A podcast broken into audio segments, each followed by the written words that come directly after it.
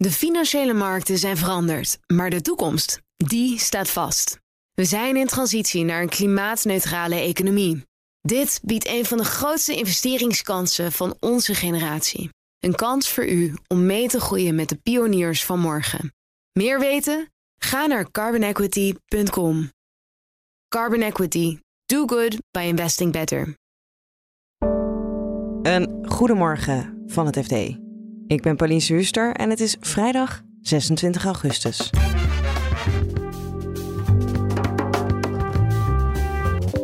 Het is een koud kunstje om illegaal voor bezorgdiensten te werken. Je hoeft alleen een couriersaccount te huren. Ik sprak een Deliveroo-courier en die zei: ja, iedereen, iedereen die ik ken weet dat dit gebeurt. De koersen van de coronavaccinmakers gaan omlaag, zelfs van succesnummer Pfizer. Ja, dat voelt gek. Dat heeft er ook mee te maken dat de koers vorig jaar flink gestegen is. En Scandinavië wordt steeds aantrekkelijker als vakantiebestemming. Dus voor heel veel mensen natuurlijk best wel eens fijn dat je gewoon tijdens de dag uh, ja, geen siesta hoeft te houden terwijl je op vakantie bent. Dat je gewoon uh, lekker, uh, lekker bezig kan zijn. Dit is de dagkoers van het FD. Om als bezorger aan de slag te gaan voor diensten als Uber Eats en Deliveroo heb je een account nodig waar je allerlei papieren voor moet inleveren en moet bewijzen dat je hier in Nederland mag werken. Maar het blijkt kinderlijk eenvoudig om dit soort accounts te huren, ontdekte retailredacteur Jan Braaksma. Dus er zijn mensen die zeggen: Ik heb een account. Voor 200 euro per maand uh, mag, je, mag je hem hebben. Je zit in een Facebookgroep waar die dingen verhandeld worden.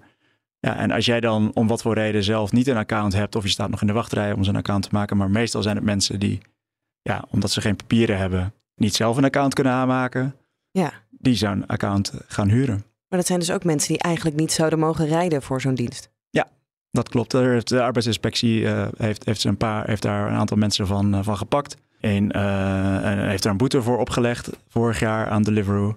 En ook in andere landen gebeurt Dus ik heb een, een Belgische onderzoekster gesproken die, dit, die hier onderzoek naar heeft gedaan en die dit fenomeen behoorlijk vaak was tegengekomen terwijl ze niet van het bestaan wist en er ook niet naar op zoek was. Ja, en dan lijkt me aan zo'n account komen nog relatief makkelijk. Dan zit je in zo'n Facebookgroep en dan betaal je iemand 200 euro of wat het dan ook is.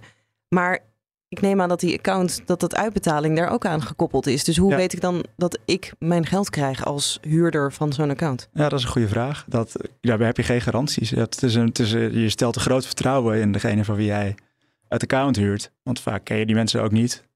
Eh, dus ja, eh, wat die onderzoekster heeft geconcludeerd is ook dat die mensen die zo'n account huren ook behoorlijk eh, ja, eh, ehm, kwetsbaar zijn voor uitbuiting. Of dat ze een deel van hun geld niet krijgen of het hele bedrag niet. Of dat iemand ineens uit de lucht verdwijnt en er, er vandoor is. En dan heb je wel een probleem. Ja. En wat is het risico voor de verhuurders of de bedrijven zelf? Nou, het mag niet. Dus eh, je, je overtreedt de wet. Wat en gebeurt er dan? dan, dan eh, kun je beboet worden door de arbeidsinspectie. Eh, en voor een bedrijf is het 8000 euro per, per overtreding. Ja. En ook de mensen die die, die accounts verhuren... kunnen, kunnen in principe een, een boete van een paar duizend euro daarvoor krijgen. En per overtreding is dan per keer dat ik jou laat rijden voor mij. Nee, per, per persoon die gepakt wordt. Dus de arbeidsinspectie doet af en toe controles. En als je daar tegen de lamp loopt, dan eh, krijg, je, krijg je boetes. Als, het, als ze daadwerkelijk kunnen bewijzen van deze persoon had u niet mogen werken. Ja. En doet dat wel. Dus in februari is bijvoorbeeld de controle in Rotterdam geweest, waar dit fenomeen aan de, eh, ja, naar boven kwam.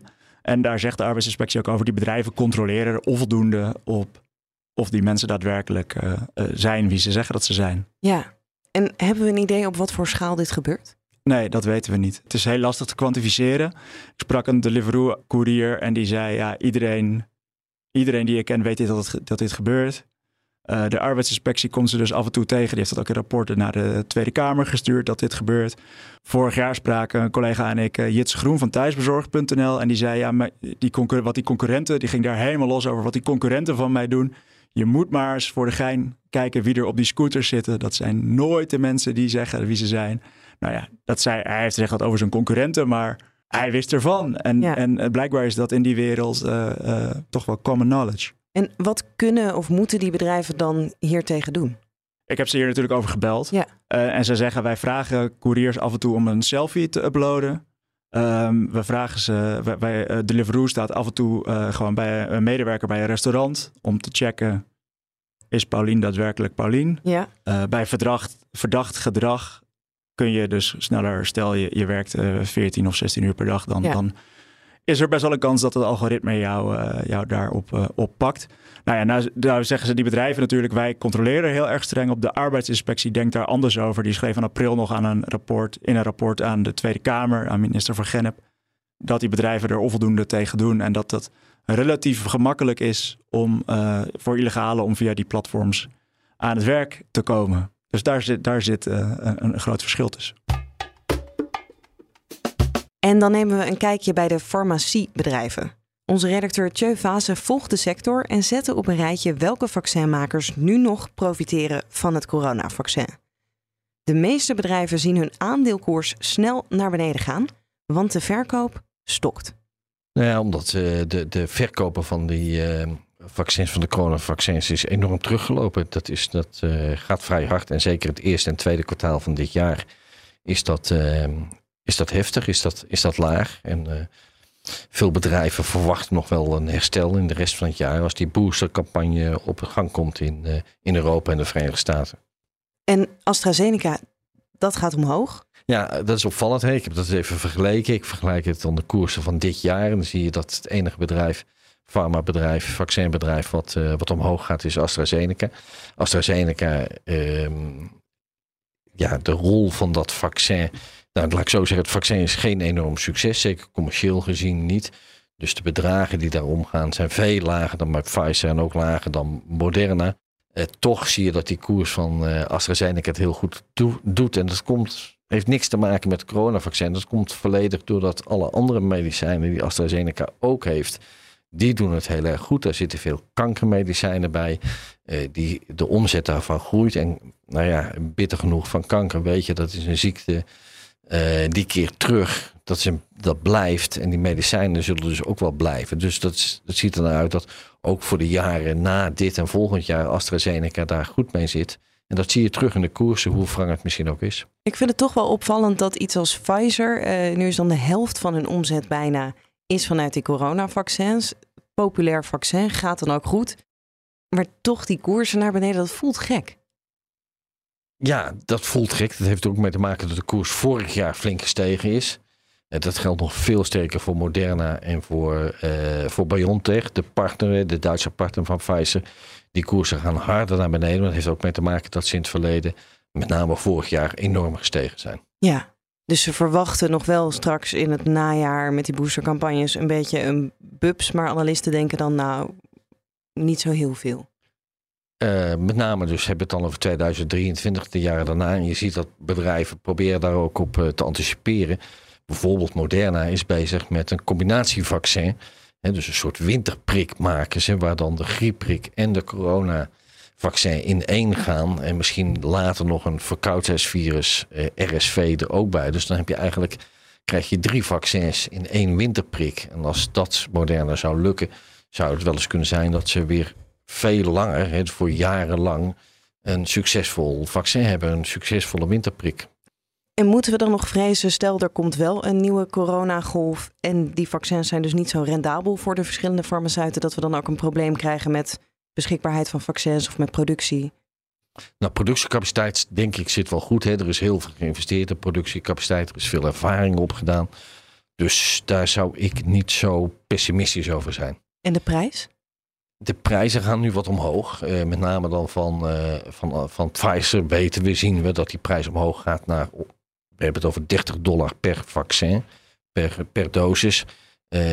Ja, je ziet dat Pfizer gewoon de dominante marktpartij is en kennelijk sterker staat in onderhandelingen. En tot slot nog een vakantietip voor volgend jaar van Koen Verhelst, onze correspondent in Scandinavië. Er zijn allerlei redenen waarom Nederlanders zijn kant op trekken. Nou, er zijn een paar uh, factoren die, uh, die eigenlijk Scandinavië wel, uh, wel aantrekkelijk maken voor de Nederlander. En er zijn er een aantal die al wat langer ja, eigenlijk al, al op geld doen. zoals het feit dat natuurlijk veel Nederlanders heel groot fan zijn van allerlei Scandinavische thrillers en, en, tv-series en zo. dat ze ook het design en zo wel kunnen waarderen. maar ja, als het om vakantiebestemming gaat, dan is het natuurlijk vooral toch de ruimte, de rust de, de meren, de bergen, het wandelen. En dat, vooral dat, dat er heel veel ruimte en schone lucht is om, om jezelf te vermaken in, in de natuur. dat is natuurlijk ook met dank aan COVID is dat wel, wel ja, populairder geworden en gebleven. En ja, wat er dan nu bij komt, is dat Scandinavië natuurlijk ook toch warmer aan het worden is. zoals de hele wereld. Maar nog niet zo warm als Zuid-Spanje. Dus je krijgt geen, geen 40 graden hitte als je in, in Zweden aan, aan de kust zit. Dat is voor heel veel mensen natuurlijk best wel eens fijn. Dat je gewoon tijdens de dag ja, geen siesta hoeft te houden terwijl je op vakantie bent. Dat je gewoon lekker, lekker bezig kan zijn. En ik denk bij Scandinavië op vakantie ook gelijk aan, is best wel duur. Schikt dat mensen nog af? Ja, dat speelt natuurlijk zeker wel mee. een van de mensen die ik interviewde voor het artikel, die, die zei dat ook. Uh, ja, want we, werken allebei in het onderwijs, dus we zullen dit volgend jaar niet nog een keer kunnen doen meteen. Uh, Noorwegen is natuurlijk alweer een klasse apart. En zij ging met haar gezin naar Noorwegen met twee kinderen. Nou, dan zit je natuurlijk meteen aan de hoofdprijs. Zweden is al meteen een stuk uh, doenbaarder qua prijs. Dus dus dat, dat, daar valt nog wel wat te schipperen. maar ja, het grote voordeel natuurlijk is wel dat je, wat ik al zei, heel veel kan kamperen in die landen. En dat mag ook overal gewoon in de wilde natuur. Ter plekke kun je heel goedkoop uit zijn. En stel dat mensen iets luxer op vakantie eh, willen, zien we ook al de vakantiehuisjes in Spanje of Frankrijk worden ingeruild voor Scandinavië?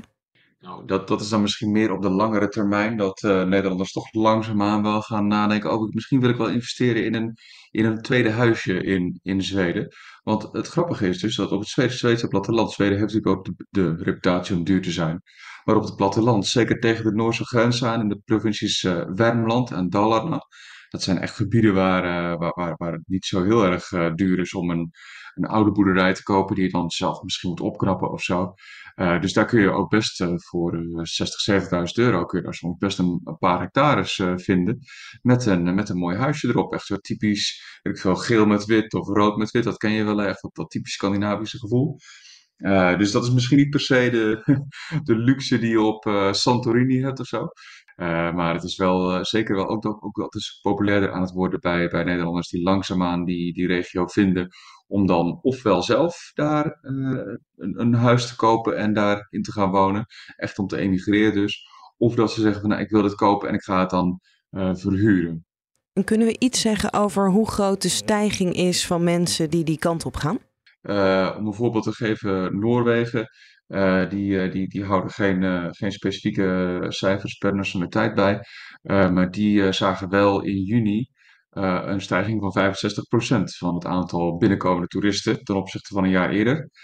En in Zweden houden ze wel de aantallen bij. En het eerste half jaar van 2022 was de stijging aan Nederlanders maar liefst 500%.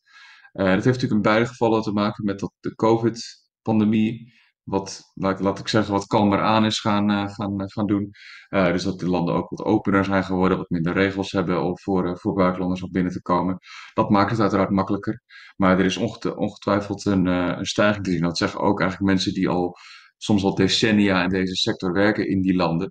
Die zien dat eigenlijk al, al heel lang aan de gang. Die populariteit die langzaamaan aan het aan het stijgen is van dat het ooit een saaie geitenwolle sokkenbestemming was en dat nu toch echt wel hip en, en designy aan het worden is, dat het uh, ook ja, dat, dat het klimaat daar dan eigenlijk nog bij komt.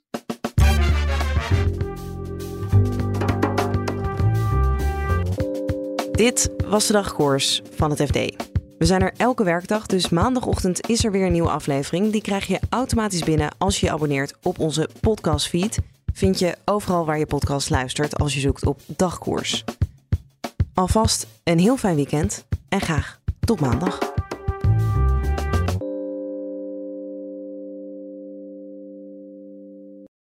De financiële markten zijn veranderd, maar de toekomst, die staat vast. We zijn in transitie naar een klimaatneutrale economie. Dit biedt een van de grootste investeringskansen van onze generatie. Een kans voor u om mee te groeien met de pioniers van morgen. Meer weten? Ga naar carbonequity.com. Carbon Equity. Do good by investing better.